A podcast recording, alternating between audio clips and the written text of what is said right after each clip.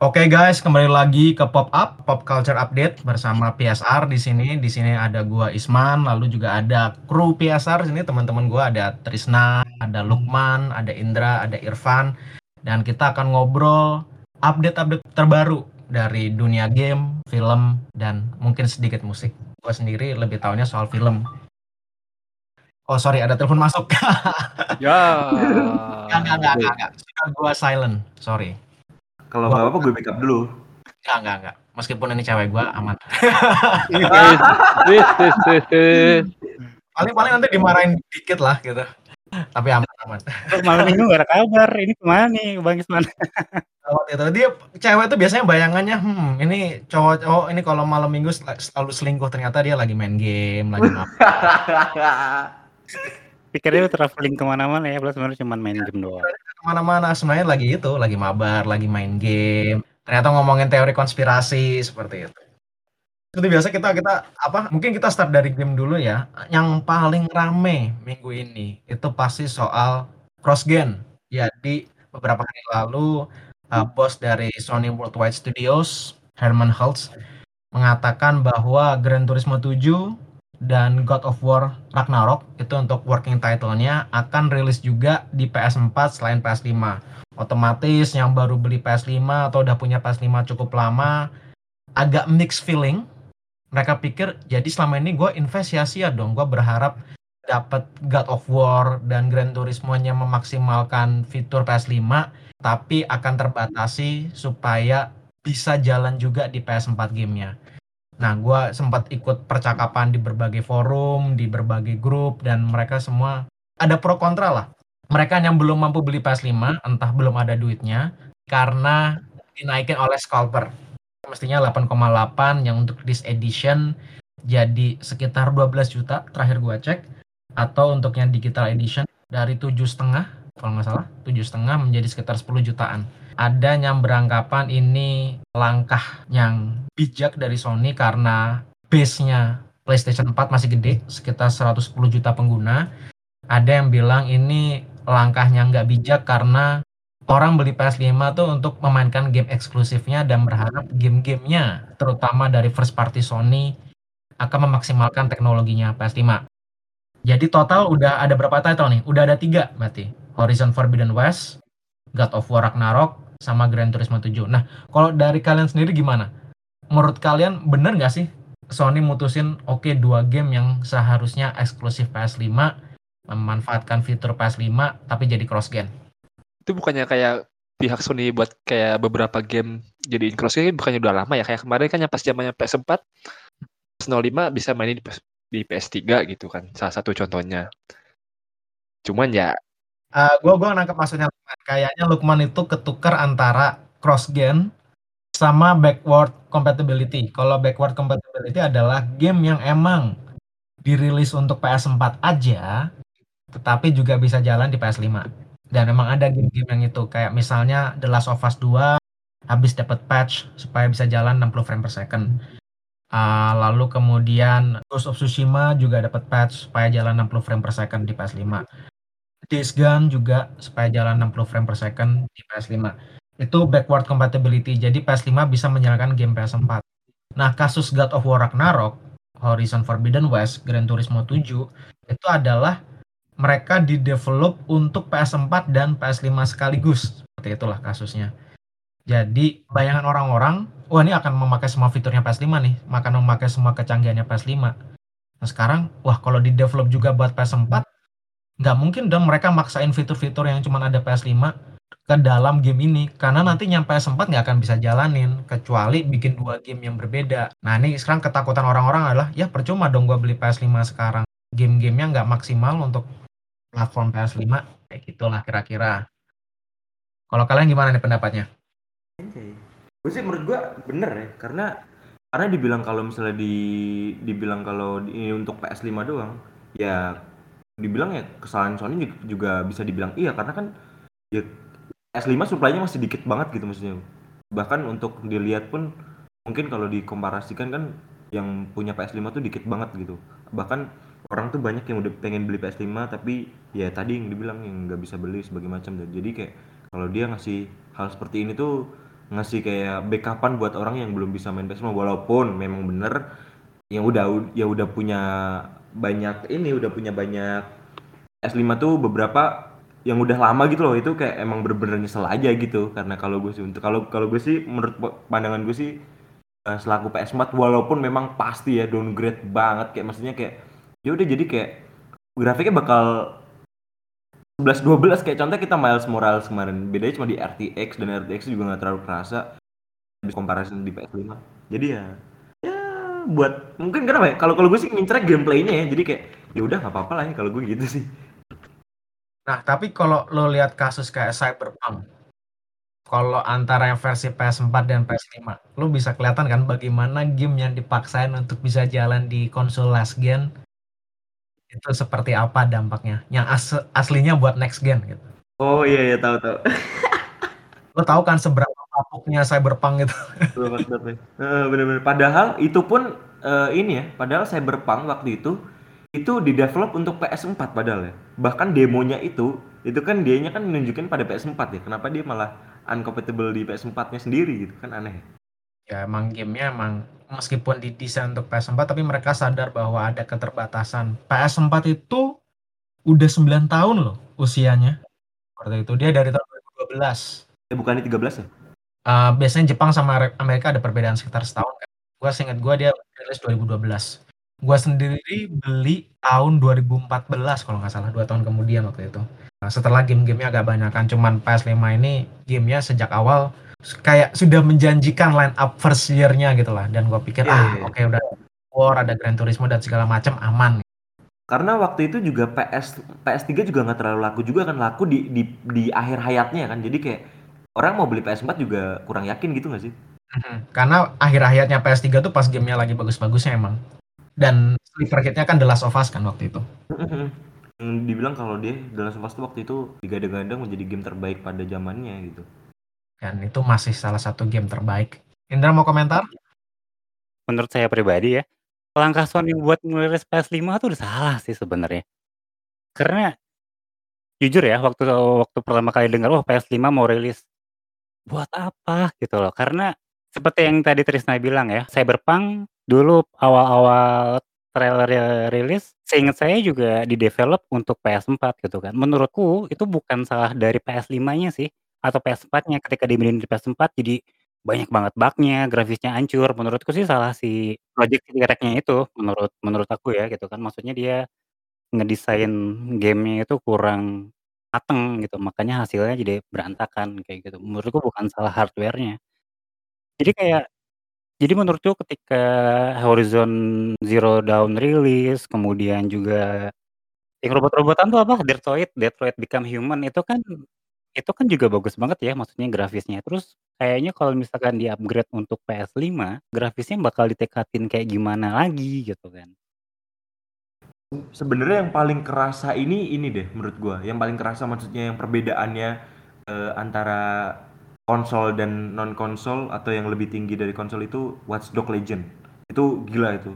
Perbedaannya lu tuh bener-bener lu gue gue main btw gue main di PS4 ya itu Legend. Jadi kayak eh gue liat di PC tuh gila ini bagus banget di PC dan gue liat di PS4 ih gila ini jauh banget emang. Tapi kalau emang bisa dimaksimalin seperti itu di implementasi God of War atau Horizon Zero Dawn sih bagus menurut gue jadi kayak ada gap jauh gitu maksudnya. Karena ketika lo main Legend di PS4 itu banyak banget yang misalnya blurry di di kejauhan. Habis itu objek bahkan objek yang lu naikin waktu real time-nya itu tuh lu masih blurry tuh kadang masih ada gitu-gitu. Tiba-tiba tapi lu nggak bakal nemuin itu di versi PC-nya dan menurut gua kalau misalnya emang gapnya sejauh itu itu kan bisa dimanfaatin seperti itu kalau misalnya ada ya gitu. Iya, tapi Trisna kalau misalkan dari dulu ya, kalau kita ngebandingin konsol dengan PC, nggak akan pernah menang. Konsol itu kan kayak perdebatan fanboy-nya konsol sama PC kan dari dulu gitu. Oke, kalau itu setuju. Maksud gua gini loh. Maksud gua, kita bisa mendapatkan gap yang jauh antara PS5 dan PS4. Seperti yang gue contohin seperti di Watch Dogs Legion. Maksud gue gitu, bukan gua ngomparasi langsung ke PC. Jadi kayak at least orang yang punya PS5 itu punya satisfying sendiri gitu loh buat buat mereka tuh bisa menikmati God of War dan game-game yang terbaru dengan caranya yang hardware PS5 ini yang seperti yang gue seperti contohin di tadi kayak gapnya jauh gitu. Kalau gua pribadi dengan sekarang God of War Ragnarok, Gran Turismo 7, dan Horizon Forbidden West juga dikembangkan untuk PS4, uh, gue takutnya perbedaan antara PS4 dan PS5 tuh hanya cuman di perkara grafis.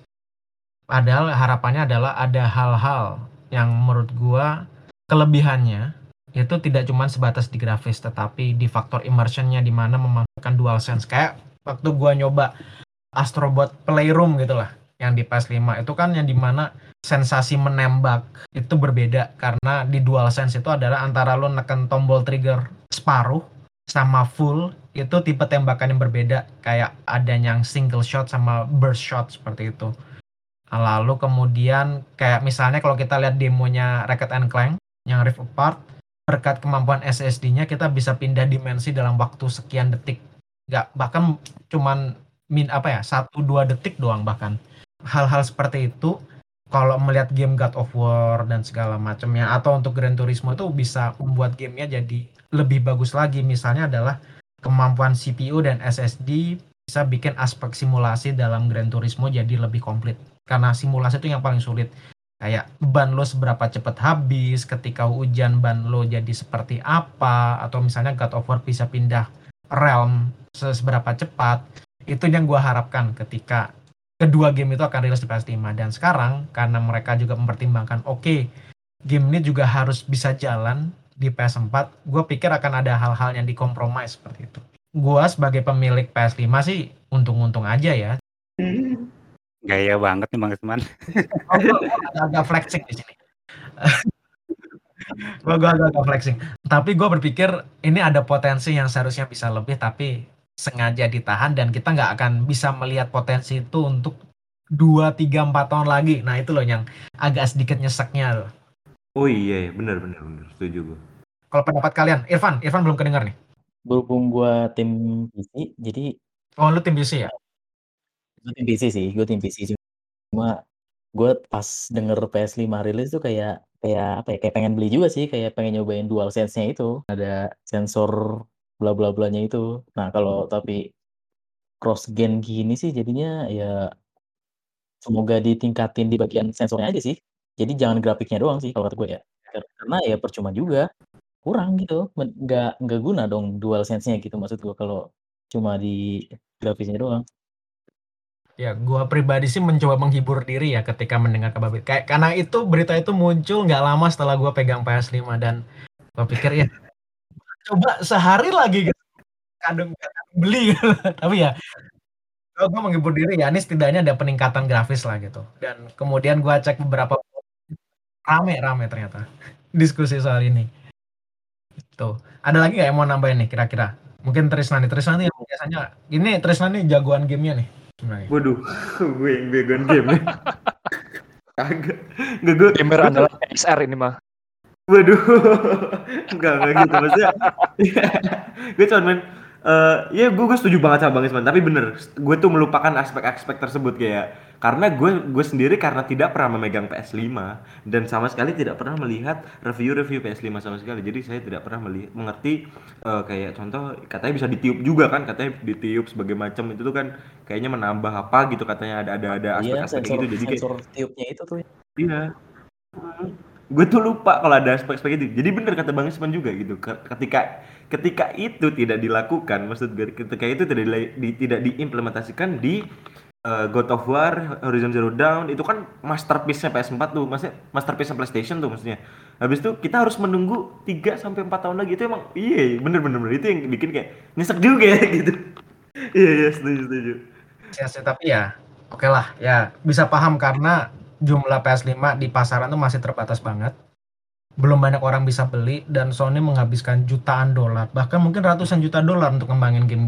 Ya mereka perlu balik modal kan untuk ngomongin ini kita mau pindah nggak? Gue ada topik menarik nih. Apa-apa misalnya? Coba, coba. Ini gue kemarin yang dibilangin sama Bang ini nih, Bang apa?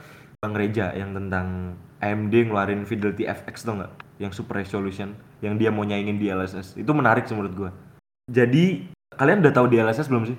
Ini tuh sama kayak DLSS cuman versi AMD-nya, cuman lihat dari trailernya itu masih banyak blurry. Jadi ibaratnya tuh kayak masih DLSS 1.0 tau nggak yang pertama kali itu kan masih kelihatan blurry sebagai macam. Cuman kan ini sudah menjadi apa ya kayak berita baik lah untuk untuk mereka yang memakai AMD akhirnya mereka juga memiliki fitur-fitur yang nggak dimiliki mereka. Dan akhirnya keluar juga di AMD gitu. Itu kan juga kabar baik juga buat buat pergamingan PC gitu apalagi mereka yang pakai AMD gitu.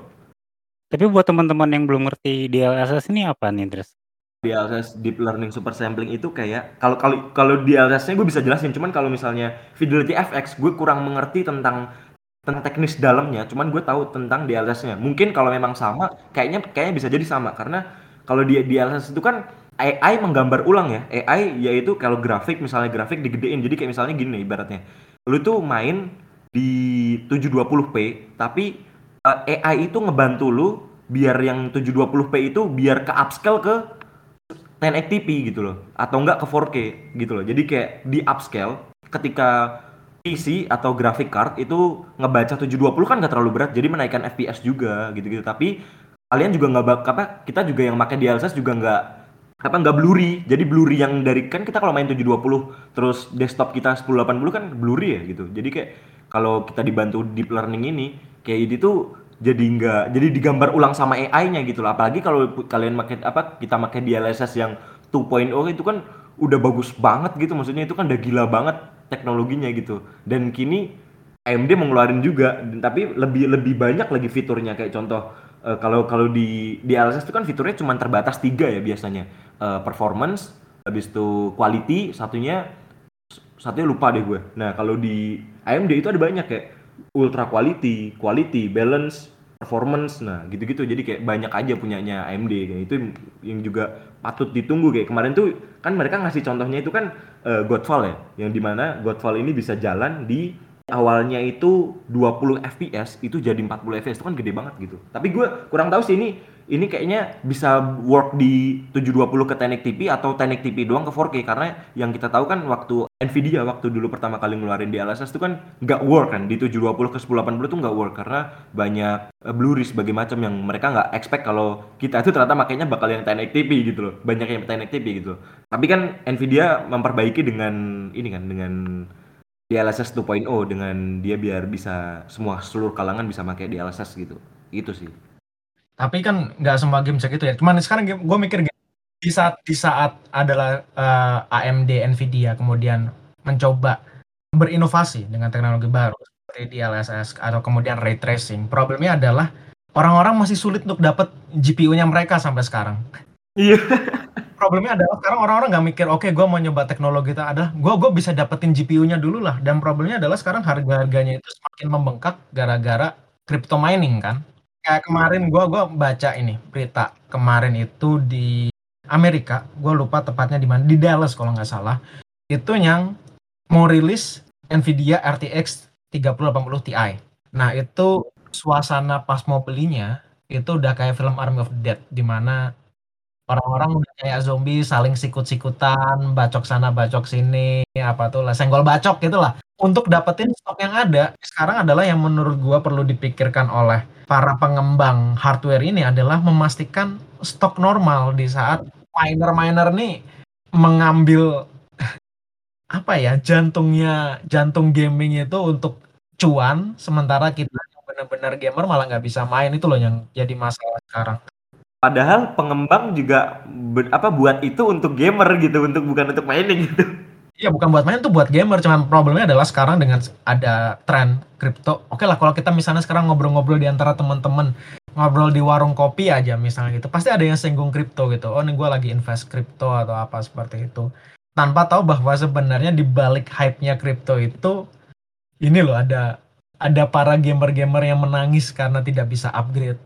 Tapi bang, menurut gue masih ada solusi lah. Kalau misalnya ada orang yang kayak urgent banget kayak gue ya gue tuh bener-bener bener ini urgent banget butuh laptop apa butuh PC gitu misalnya butuh PC tapi kan untungnya ada beberapa ini apa laptop beberapa keluaran juga ngeluarin yang murah banget. Kayak kemarin Acer tuh ngeluarin 30 60 cuman harga 19 juta gitu.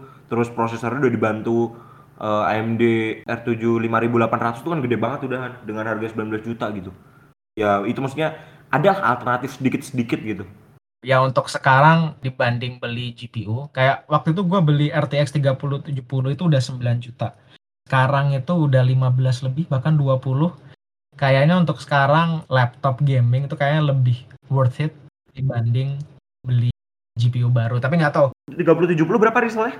Dulu gue beli sekitar 9, 9 menuju 10 gitu. Sekarang udah sekitar 15 ke atas. Enggak, sekarang 25. Oh, 25 ya? Iya, 25. Seriusan 25? Serius? Serius, 25? serius 25. Serius. Anjir. Itu laptop laptopnya udah gede banget. Itu kalau Itu ganti dapat Alienware. Iya makanya itu dan bahkan untuk 3080 yang paling ngeri nih bang 3080 itu lu bisa dapetin sekitar 15 sampai 20 kan normalnya atau atau 15 ya gue lupa sekarang harganya harganya tuh 35 sampai 45 Tuh, gua gua jual ginjal satu juga belum dapet deh kayaknya.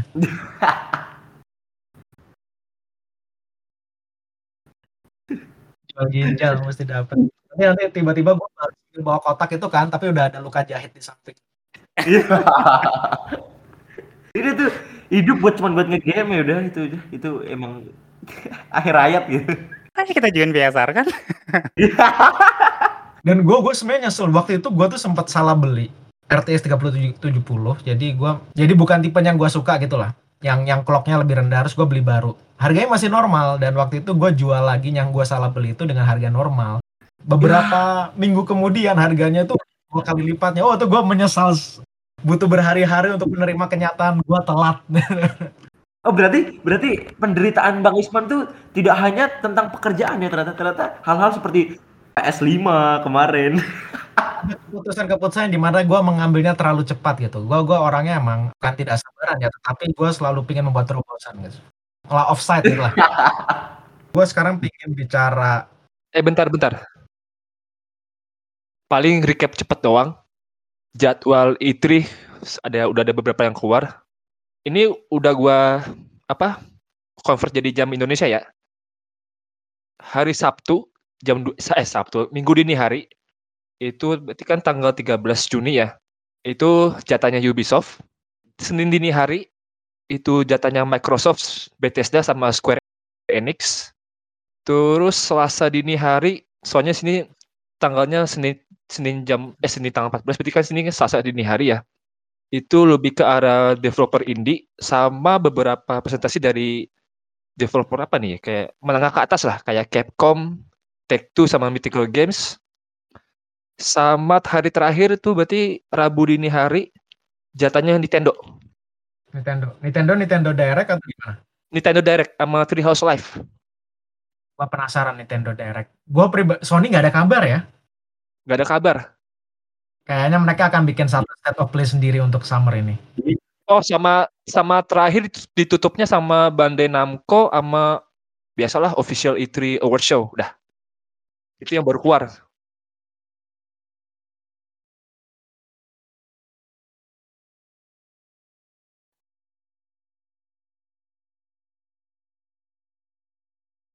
Ada game yang kalian tunggu nggak?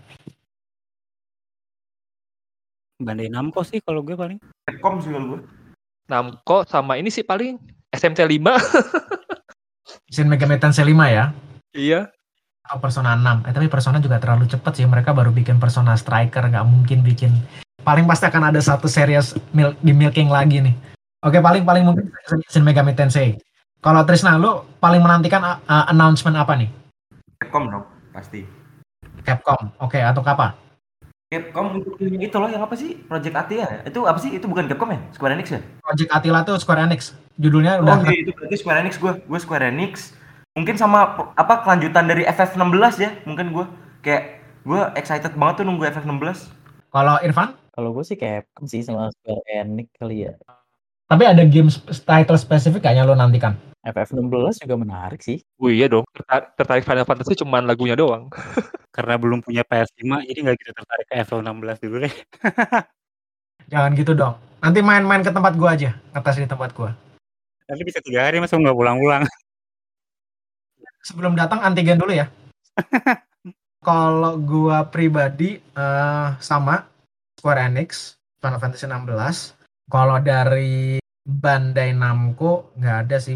Tales of Arise itu karena udah lihat trailernya itu udah ini loh Yang dari Capcom tuh apa sih bang? Yang dari Capcom yang luar angkasa itu loh, gue lupa deh apa. Gue lupa titlenya, ada yang luar angkasa yang satelit-satelit Iya, itu. eh, nah itu menarik juga itu, kayak ala-ala Death Stranding gitu loh looknya. Pragmata. Iya, iya, iya. Eh, Anda Aristo pintar sekali. Habis googling gue. Pragmata, oke oke. Pragmata belum ada kelanjutannya. Apakah nanti akan seperti seperti model Death Stranding atau jangan-jangan kayak Nier Automata? Yang penting jangan sampai kayak replikan, eh, apa replikan lah, udah capek. Eh BTW yang hari sorry yang rada dikit dikit aja. Hari setelah hari kedua itu mulanya sedikit lebih awal. Mungkin kalau hari pertama jam sini jam 2 dini hari, mungkin hari kedua sampai hari terakhir kalau di jam Indonesia antara jam 11 jam 12 lah. Oke. Oke. Yang, yang yang dengerin podcast ini jangan lupa bikin notice, bikin reminder biar nggak ketinggalan, biar bisa bangun karena rata-rata dini hari. Gue gue jadi bingung ya mau nungguin apa gara-gara nggak ada Sony. Gue mungkin karena Sony fanboy banget nih ya. Jadinya begitu nggak ada event Sony gue bingung sendiri mau lihat apa nih. Di sini nggak ada yang fanboy Nintendo. Ah, soalnya Nintendo harga gamenya mahal-mahal. Nggak, nggak ada distributornya di Indonesia, nggak temen, nggak suka. Paling Nintendo pasti kan nggak jauh-jauh dari Zelda. Pasti ada Mario salah Bros. Pokemon pasti tahu-tahu ada Pokemon generasi 9 atau paling nggak ada announcement ada karakter baru buat yang Super Smash Brawl Ah, ngomong-ngomong Super Smash Bros. Iya, kalau nggak salah tuh mereka udah nunjukin trailer Wario, Mas, finally. Wah ilah. Jadi akhirnya Wario bakal ada di Smash. oh gitu akhirnya Itu nggak tahu itu nggak tahu rumor nggak tahu nggak ya. Aku cuman tadi tadi siang kalau nggak salah aku sempat baca. dan sempat kabarnya ada rumor Master Chief juga muncul di Super Smash Brawl karena Nintendo dan Microsoft mencoba kerjasama tapi jujur dengan tidak ada Sony menurut menurut gue hal yang perlu dinantikan adalah langkahnya Xbox ini lah. Xbox kan udah beli banyak developer kan total mereka punya 23 studio sekarang dibanding Sony yang cuma punya 11 game apa gitu dengan se- studio sebanyak itu mereka rilis tanpa game eksklusif loh paling Forza Horizon doang kan Seperti itu gue penasaran Belum ada hook juga loh bang, kayak Halo aja kita juga nggak terlalu menarik kan menurut gua. Halo Infinite ini kan waktu itu kan pas trailer pertama kan jelek banget grafisnya gue Iya penasaran makanya itu. Dan dia bilang bagus Eh, gitu. itu jelek banget tuh Halo Infinity. grafisnya Gue baru tahu. kan. grafisnya. grafisnya jelek Oh, maksudnya dibandingin The Last of Us yang last game bagusan The Last of Us grafisnya oh, padahal gue juga nungguin itu sih. Starfield dari Bethesda gue juga nonton itu katanya kan bakal model-model kayak Skyrim tapi di luar angkasa atau Fallout di luar angkasa itu sih paling gue Tapi Juni ini lumayan ada menarik ya. Lumayan lah, ada, cuman ada satu sih Juni ini, nggak seramai bulan kemarin. Mungkin yang patut kalian nantikan yang akan rilis itu ada Ratchet and Clank Rift Apart lalu ada Final Fantasy 7 Intergrade lalu kalau pribadi Scarlet Nexus Yes, pasti itu. Nah itu kan juga lumayan gitu. Tapi kan dilihat dari demonya kemarin masih agak kelangki ya. Masih ada ya emang ya model-model kayak Code Vein gitu lah kayaknya mo- moga-moga jangan kayak inilah ekspektasinya jangan kayak Bayi Mutant kemarin lah gila Bayi Mutant tuh udah udah pada ngebangun hype-nya gila banget terus pas main uh gila tuh uh rusak banget gila gue gak nyaman banget dengan ini Oke, kita bicara sedikit soal mungkin film atau serial. Eh, kalian ada yang ngikutin Jupiter's Legacy nggak? Enggak. iya eh, cuman tahu kemarin beritanya juga Tahu doang sih. Pengen nonton cuma nggak jadi. Keburu di cancel. Eh, buat yang belum nonton Jupiter's Legacy ini perlu nonton. Itu dari kalau kalian pernah baca komik Civil War, Marvel Civil War, nah itu penulis Marvel Civil War yang bikin komik Jupiter's Legacy. Itu kemudian diangkat jadi serial di Netflix. Sayang ya, seri kemudian di cancel seperti. itu. ada alasannya nggak sih bang Eh, rating. Netflix itu bikin banyak sekali serial dalam setahun. Makanya mereka nggak habis-habis IP-nya. Mereka misalnya ada Stranger Things, ada Umbrella Academy, ada em, apa lagi misalnya yang bagus-bagus itu. Eh, The Crown, The Witcher, The Witcher. Witcher, Stranger Things, dan kemudian drama-drama Korea itu juga banyak, Vincenzo, Racket Boys dan segala macamnya. Nah, eh, Netflix itu cara ngukurnya adalah mereka melihat investasi yang mereka keluarkan, kemudian mereka melihat reviewnya apakah investasi dan review itu berbanding lurus. Kalau tidak, mereka bisa dengan cepat mengcancel karena mereka masih punya banyak IP-IP yang ngantri yang mau digarap. Itulah makanya begitunya Jupiter's Legacy dilihat oke ini nggak apa ya bukan bukan nggak akan untung tapi akan makan waktu untuk untung. Ya udahlah cancel aja kita masih punya banyak IP lain yang bisa dikembangin dan sekarang mereka kembangin IP baru masih di dunia yang sama dengan serial Jupiter's Legacy judulnya Super Crook kalau nggak salah Cuman kemudian orang jadi kepikiran. Sampai sekarang Umbrella Academy season 3 itu belum ada kabarnya loh. Dikonfirm atau enggak. Syuting itu. syuting doang kan katanya? Belum syuting setahu gue. Dan sekarang dengan sekarang uh, Ellen Page jadi Elliot Page, gue sendiri ragu Umbrella Academy akan lanjut karena Ellen Page-nya udah jadi cowok sekarang. Tapi katanya dia tetap bakal jadi cewek kan? Peran-peran dia yang sebelumnya perempuan tetap perempuan walaupun dia udah jadi cowok sekarang. Oke oke ya mungkin dengan teknologi make up dan segala macamnya atau deepfake jadi pakai badan cewek muka tempel ke badan gitu juga bisa sih. Atau enggak mungkin mereka nge- ngebuat cerita ulang pakai kekuatan temennya yang kalau ngomong jadi kenyataan apa yang have you heard the rumor itu. Bisa bisa masuk akal. Tapi nggak ada cerita itu di komiknya. Jadi beda banget dong sama komiknya. Tapi gue oh karena tadi kita ngomongin superhero, gue jadi keinget minggu depan kita eh Minggu ini, minggu ini. bakal ada Loki tayang mulai hari Rabu jam 2 betul di Disney Plus. Rabu ya? Excited nggak dengan Loki? Sangat, sangat sih, sangat gue. Oke, tadi lu kan komentar tuh soal-soal lu excited banget. Kenapa, Van? Jelasin dong. Loki nih kayak kan dia membahas time apa kayak time travel gitu kan ya, ngebenerin waktu gitu kan. Nah, tapi sebenarnya kan bukan salahnya Loki dong. Kenapa bukan salahnya Loki? Salahnya Avengers dong. Apa di gegara Endgame terus si Tesseract-nya kepegang Loki terus cabut kan sebenarnya mah. Flashback dikit, jadi kalau di event di Endgame kan ceritanya anggota-anggota Avengers ini mencoba mengumpulkan Infinity Stones dari berbagai timeline. Salah satunya adalah Time Stone di tahun 2012. Oh maaf, Space Tesseract di tahun 2012 di event Avengers pertama. Tony Stark udah berhasil memegang Tesseract-nya itu, cuma kemudian dia kelempar, terpelanting oleh Hulk yang turun lewat tangga darurat, dan kemudian dipegang oleh Loki. Kemudian Loki pindah entah ke mana, dan itu katanya yang menjadi pemicu event di serial Loki ini. Bahwa satu tindakan dia memegang Tesseract dan kemudian kabur, itu menyebabkan berbagai perpecahan, perbedaan-perbedaan timeline itulah. Jadi ada multiple universe sekarang. Antara yang di Loki-nya jadi presiden, Ada Lady Loki kan? Uh, Iya ada Lady Loki, terus ada Kid Loki. ada Kid Loki segala emang. Rumornya sih ada sih. Aku baru denger ya dikit Loki. Iya, gue baru denger nih. Ngelihat Loki bisa jadi jalan ke apa ya ke karakter-karakter baru. Soalnya si ada tiga sosok eh, di patung di trailernya itu kan, Living Tribunal gitu kan. Kayaknya nggak mungkin si agen-agen TVA itu nggak tahu ada Kang gitu loh. Maksudnya justru malah si Kang the Conqueror itu yang harusnya ditangkap juga gitu, bukan Loki doang. Kalau gue sih kayak ngelihat dari style dari episodenya lagi ya, apakah ada yang unik lagi atau enggak gitu.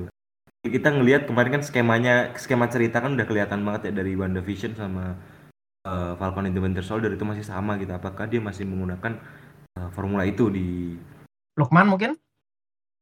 nambahin doang. Mungkin gue sih pengen lihat ha- hal listriknya si Loki-nya itu loh.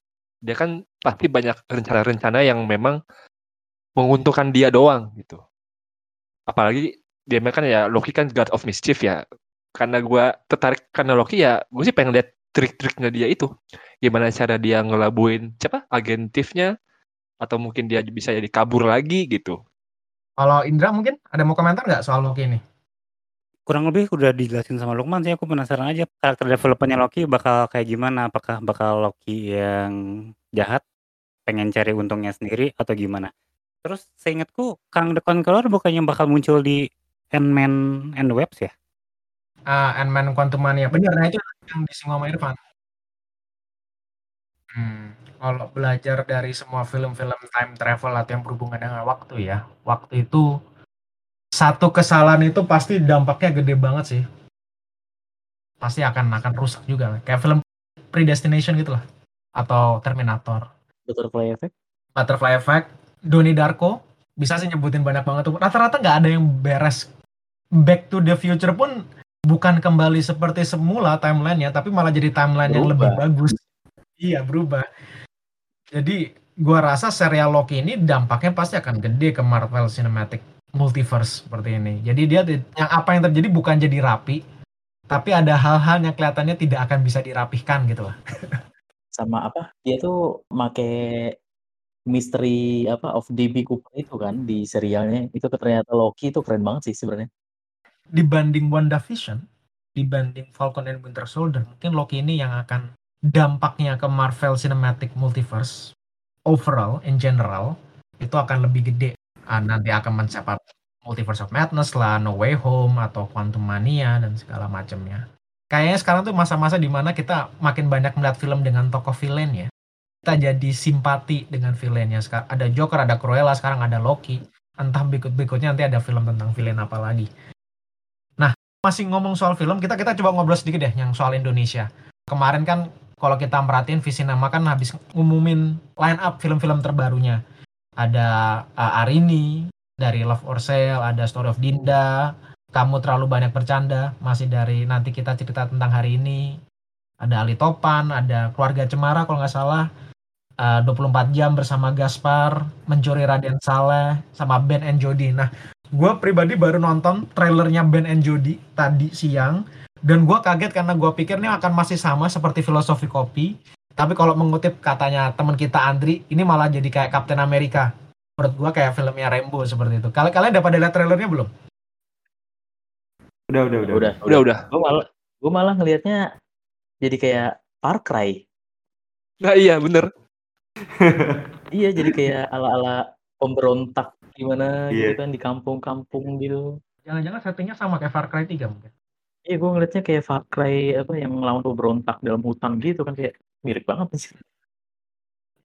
nanti itu Ben and Jody-nya bikin tato di tangan kayak Far Cry 3 nambah kekuatan gitu Wah. Habis itu di akhirnya bikin anak nggak? Eh, eh BTW ini Ben and Jody ini spin-off bukan sih atau gimana? Kan karena soalnya kan kalau dari posternya kan cuman karakter base dari siapa tuh? oh dari D Heeh. Dia lestari ya. Nah, ini kan posternya keluar kan banyak orang nih yang nganggap ini spin-off doang atau gimana gitu. Lanjutan sih katanya mah. Oh lanjutan. Lanjutan yang kedua kan pada misah kan tuh si Ben sama Jody terus ceritanya si Bennya hilang dicari sama si Jody gitu oh ternyata bandnya jadi gerilyawan gitu ya Bennya tuh apa hilang di kampungnya gitu yang lucunya di film kan mereka bilang ini bukan film action ini bukan kita bukan Rambo gitu walaupun kita tahu filmnya akan jadi seperti itu in some way gitu cuman cuma menarik melihat yang filosofi kopi ini agak agak sedikit mirip dengan kalian tahu film Hangover kan pasti tahu tahu tahu Oh. Hangover 1 2 kan kita itu kan semi komedi apa ya bukan. Itu kan full komedi kan yang temanya sama. Mereka pergi liburan, salah satu hilang, lalu mereka pergi ke sana kemari untuk nyari, ternyata orang yang hilang ada di bangunan yang sama dengan mereka. Tapi kemudian di Hangover 3 ceritanya jadi berubah. Jadi sifatnya jadi agak sedikit komedi thriller untuk Hangover 3. Nah, gua gua melihat pendekatan yang dipakai Ben and Jody untuk kisah filosofi kopi, basically filosofi kopi 3 itu seperti itu. Jadi eh, mereka mencoba penyegaran.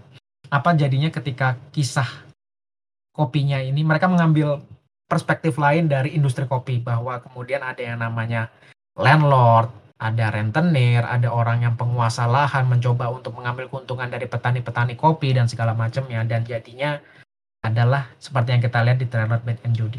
Gua pribadi pengen tahu si Angga Dwi Mas Sasongko ini yang projectnya banyak banget ini entah nggak habis-habis gimana membawa kisahnya kepikiran aja ya dia bahwa jadi kayak Far Cry. Jadi gara-gara kalian singgung Far Cry itu gue jadi kepikiran. Bener sih ini ceritanya kayak orang dari kota ke hutan lalu terbawa ke perang antar kelompok terus mulai pakai senjata segala macam mungkin nanti ada unsur-unsur mistisnya. Mungkin akan ada multiple ending mungkin. Suruh milih. Waduh multiple ending. Terakhir film di mana ada ending lebih dari satu tuh film komedi jadul judulnya Clue gitu. Yang di mana satu ending itu, itu kayak film Whodunit. Lalu satu film itu punya tiga ending di mana di mana tiap ending itu punya konklusi yang berbeda soal siapa pembunuh utamanya gitu. Ya, gua nggak tahu sih apakah Ben and Jody bisa sampai seperti itu cuman kalau misalnya terinspirasi Far Cry kan hampir semua Far Cry ada multiple ending kan? Trisna biasanya ingat atau Irfan tadi yang Tapi ngomong-ngomong multiple ending mas, seingatku tuh ada series I Might Destroy You. Pernah nonton belum? Yang dia nyari tahu siapa siapa yang merkosa dia. Itu endingnya ada empat. Dan menurut aku tuh bagus. Tapi pendeliver gimana cara dia deliver multiple ending di film? Kalau Bandersnatch mah wajar ya gitu. Kalau itu gimana? Heeh. Kalau kalau kalau dia menciptakan secara linear gitu loh atau atau dia menciptakan secara non linear atau bagaimana gitu. Atau ada empat episode, satu episode, satu ending gitu. Nah, iya ya bisa make sense tuh. Di episode terakhir tuh semuanya ending. Jadi kan dia satu jam. Jadi kayak sekitar 20 menit itu ending pertama. Jadi kayak diulang lagi. Jadi ending pertama Ini kayak ini ya berarti kayak berarti kayak penceritaannya kayak di awal-awal di Edge of Tomorrow gitu ya. Jadi Ya, Ah, betul, betul, betul. Kayak gitu. Jadi dia di awal duduk di beranda rumah kejadian pertama. Terus episode ah, sorry, ending kedua diulang lagi duduk di beranda rumah, kemudian kejadiannya beda dan seterusnya sampai ending keempat. menarik, menarik. Tapi di satu sisi apa uh, film-film berdasarkan game sendiri kan makin banyak kan. Kayak baru-baru ini kita dapat kabar ada film Borderlands kalau nggak salah. Iya, udah ada fotonya kan? Mm. Yang kemarin yang mengejutkan itu di kita dapat first look-nya 4 detik atau 3 detik dari Uncharted. Yang Nathan Fillion eh Nathan Fillion lagi siapa? Tom Iya, Holland, Tom Holland, Tom Holland. Om Halan. Tom, Tom Belanda, Tom Belanda. Tom Belanda. Tom Kue, Tom Kue. Iya itu itu kan Bakery coy. tapi tapi jujur ya kalian nih kan ini nih si Aristo Bang Isman ini kan nggak tahu ya kalau Lukman sama ini gue gue kurang tahu kalian kan mainnya Uncharted ya kalian mainnya Uncharted ya gitu maksud gue Aku main Uncharted Iya maksud lu cocok gak sih Tom Holland main itu enggak. ya. terlalu ini gak sih terlalu cutie gitu gak sih Terlalu terlalu imut, terlalu Iya terlalu imut sama Iya, terlalu kayak, kayak gini deh Kalau imut itu rasanya ada yang aneh. gitu. terlalu muda aja terlalu muda Lu tampilannya. bayangin eh, itu ya kalau misalnya kalau kalau misalnya Nathan Drake ketangkep musuhnya itu nggak dibunuh dihomoin itu bisa jadi kan Spider-Man tuh udah melekat banget di Tom Holland ya sebagai tokoh yang kocak. Iya si Nathan Drake juga sebenarnya kelihatannya kocak ya, cuman nggak sekocak Spider-Man yang cerewet banget gitu loh, yang apa-apa dikomentarin gitu loh. Iya, iya. itu. Kalau Bang Isman sendiri, Kalau gua sih, eh, gua belum bisa judge cuma dari lihat trailer. Oke, secara penampilan mungkin kurang cocok, tapi kita ingat eh, kalau di game Uncharted 3, eh, di situ kan kita ngeliat eh, Nathan Drake ketika masih muda kan, ketika yang dia pertama kali direkrut sama Sally karena nyoba nyuri dari dia. Nah, menurut gua sih oke kalau Tom eh, Tom Hollandnya memerankan Nathan Drake di usia muda tersebut, early 20, menurut gua cocok-cocok aja sih. Dan paling nggak dia physically bisa untuk peran-peran seperti Nathan Drake yang benar-benar physical demanding. Tapi yang aku takutin kalau misalkan ceritanya waktu waktu dia muda nggak ada Elena dong. Kan Elena tuh salah satu apa drive si Nathan gitu loh buat ngelakuin sesuatu. Yakinlah Mbak, eh, kalau misalnya problemnya ada Elena, yakinlah ada salah satu momen di film nanti akan ada tis kehadiran Elena atau Nathan sama Elena sempat berpapasan atau sempat bersinggungan tanpa mereka saling mengenal satu sama lain. Pasti akan ada seperti itu. Yang di mana nanti akan mentis, oke nanti di Uncharted berikutnya akan entah ya, ini apakah ceritanya akan ngikutin gamenya atau enggak. Kalau ngikutin gamenya relatif aman karena periode antara masa mudanya Nathan yang di Uncharted 3 kemudian ke Uncharted 1 kan di Uncharted 3 kan ada flashbacknya itu kan. Itu kan lumayan panjang kan. Itu itu bisa diisi berbagai cerita. Nah gua nggak tahu tapi ya kemungkinan tidak ada tidak akan ada Elena tapi pasti akan ada Chloe. Chlo- Chloe Chloe Fraser itu. Koi keren sih. Chloe keren kan? Mantannya Ethan. mantannya Nathan juga kan. Jadi mungkin yang akan jadi romantic interestnya nanti si Chloe di situ. Kalau kalian sendiri gimana? Eh, ada Borderlands ada Uncharted kira-kira apa aja sih yang akan muncul selain itu The Last of Us lalu juga ada Twisted Metal apalagi eh, game-game yang akan diangkat jadi serial dan film Sonic, Sonic 2 kan udah itu kan, udah kelar. Sonic and Tails itu ya Iya, ada Knuckles. Oke oke oke. Pas banget ya. Kalau nggak salah kan kemarin kita habis yang itu ya. uh, Anniversary-nya Sonic ya. Yang mereka umumin game-game barunya Sonic itu ya. Mm-mm, Iya betul.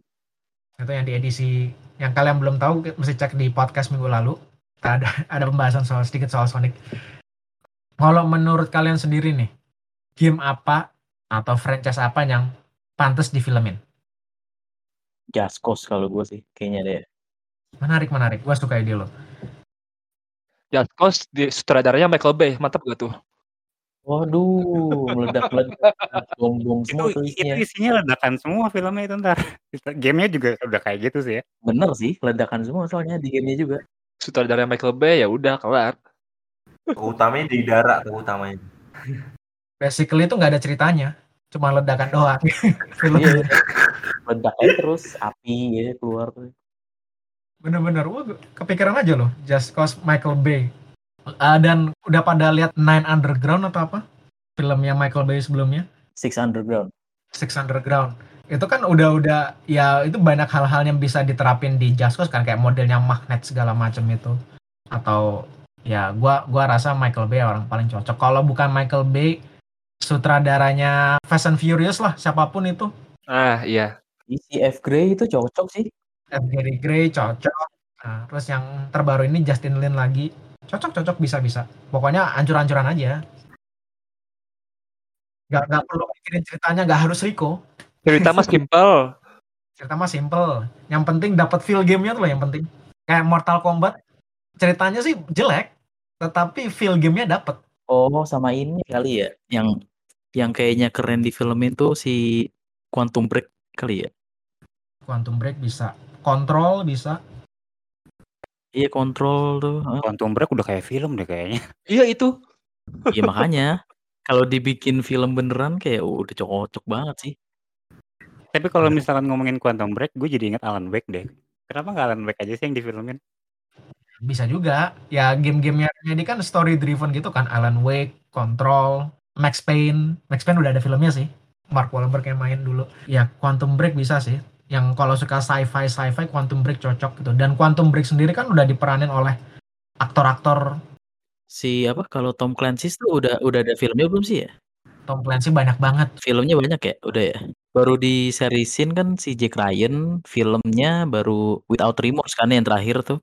John Clark. Ya, yang terbaru kalau yang dari Tom Clancy itu yang Without Remorse, yang main yang Michael B. Jordan.